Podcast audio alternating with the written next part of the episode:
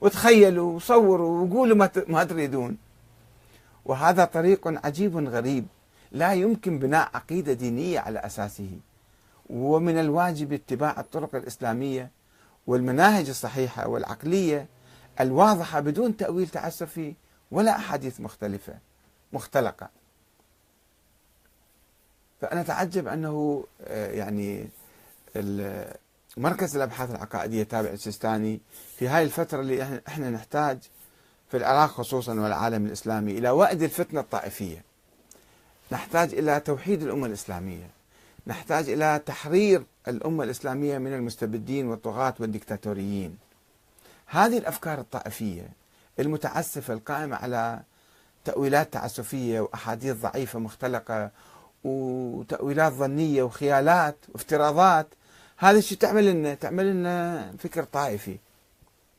وتعمل لنا أيضا في ناس يجون يقول لك إيه أنا وكيل هذا الإمام وأنا نائب الإمام وأنا عندي سيطرة عليك وعندي ولاية عليك. كما اليوم شفنا كيف السيد محمد الشيرازي مثلا يعرض أنه المجتهدين المراجع هم أولياء على الأمة الإسلامية. طيب من حطكم منين اجيتوا صرتوا أولياء على الأمة؟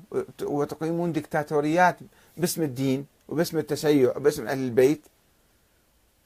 وما تسمحون أحد يناقشكم أو يعارضكم أو يمكن الآن بعض الناس يمتعظون من عندي. شلون أنت تتجرأ أن تناقش السيد السيستاني؟ شلون أنت قاعد يعني تسيء له؟ ليش أسيء له؟ دا ناقشة. هو عالم والناس إحنا من طلبة العلم. ومن حقنا أن نسأل أي عالم ما يقول ونناقش فيه. ومع الأسف ما موجود ندوات مفتوحة حرة لكي يناقش هذه الأمور في النجف. وفي الحوزة فنلجأ إلى الفيسبوك الآن.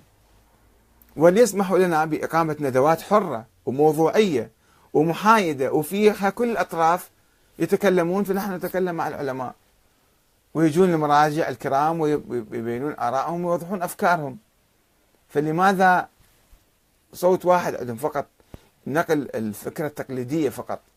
وممنوع الاجتهاد وممنوع الاقتراب من هذه الثوابت. ومن هذه ثوابت المذهب كما يقول السيد محمد سعيد الطباطبائي. حفظه الله. يعني ما يصير العلماء شو ما يقولون وشو ما يفكرون هو صحيح وبدون مناقشة ناخذ أفكارهم وناخذ كلماتهم. شوية قليل من الحوار والتفاهم وأخذ وعطاء حتى يصير الفكر إذا كان فكر صحيح يمشي على كل الناس وإذا كان فكر واهي ومتهافت فأول ناس هم الحوزات لازم يتراجعوا عنه. ومع الأسف الشديد يعني هذا مركز الأبحاث اللي مفروض فيه يجتهد ويبحث ويدرس ودراسات ينتج لنا هكذا مقالات. فكيف بقية الطلبة اللي لا يدرسون ولا يقرون ولا يكتبون؟ الطلبه اللي ذلاك اميين ما أقول كل الناس أميين حوزات الأمية التي لا تقرأ ولا تدرس ولا تبحث هذه الأمور. مفروض هذه أمور تدرس بمناهج علمية في الحوزة. من أول الأمور الضرورية للطالب يتعلمها ويعرفها أن يتعلمها بعلم مو يتعلمها بتلقين وفقط أخذ وروح أمشي.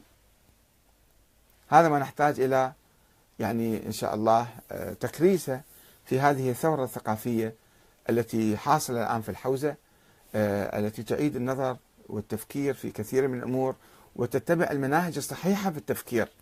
لا تجي تثبت وجود إنسان بمنهج عقلي أو منهج قرآني أو منهج حديثي. لازم منهج تاريخي.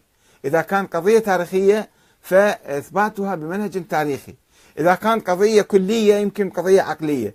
إذا كانت قضية عقائدية دينية من الإسلام فمن القرآن الكريم. ما نخلط بين المناهج؟ وهي أول مراحل العلم والتعلم أنه ما نخلط بين المناهج حتى لا نخربط الأفكار. ونمشي أمور غير صحيحة على الناس. هذا والسلام عليكم ورحمة الله وبركاته.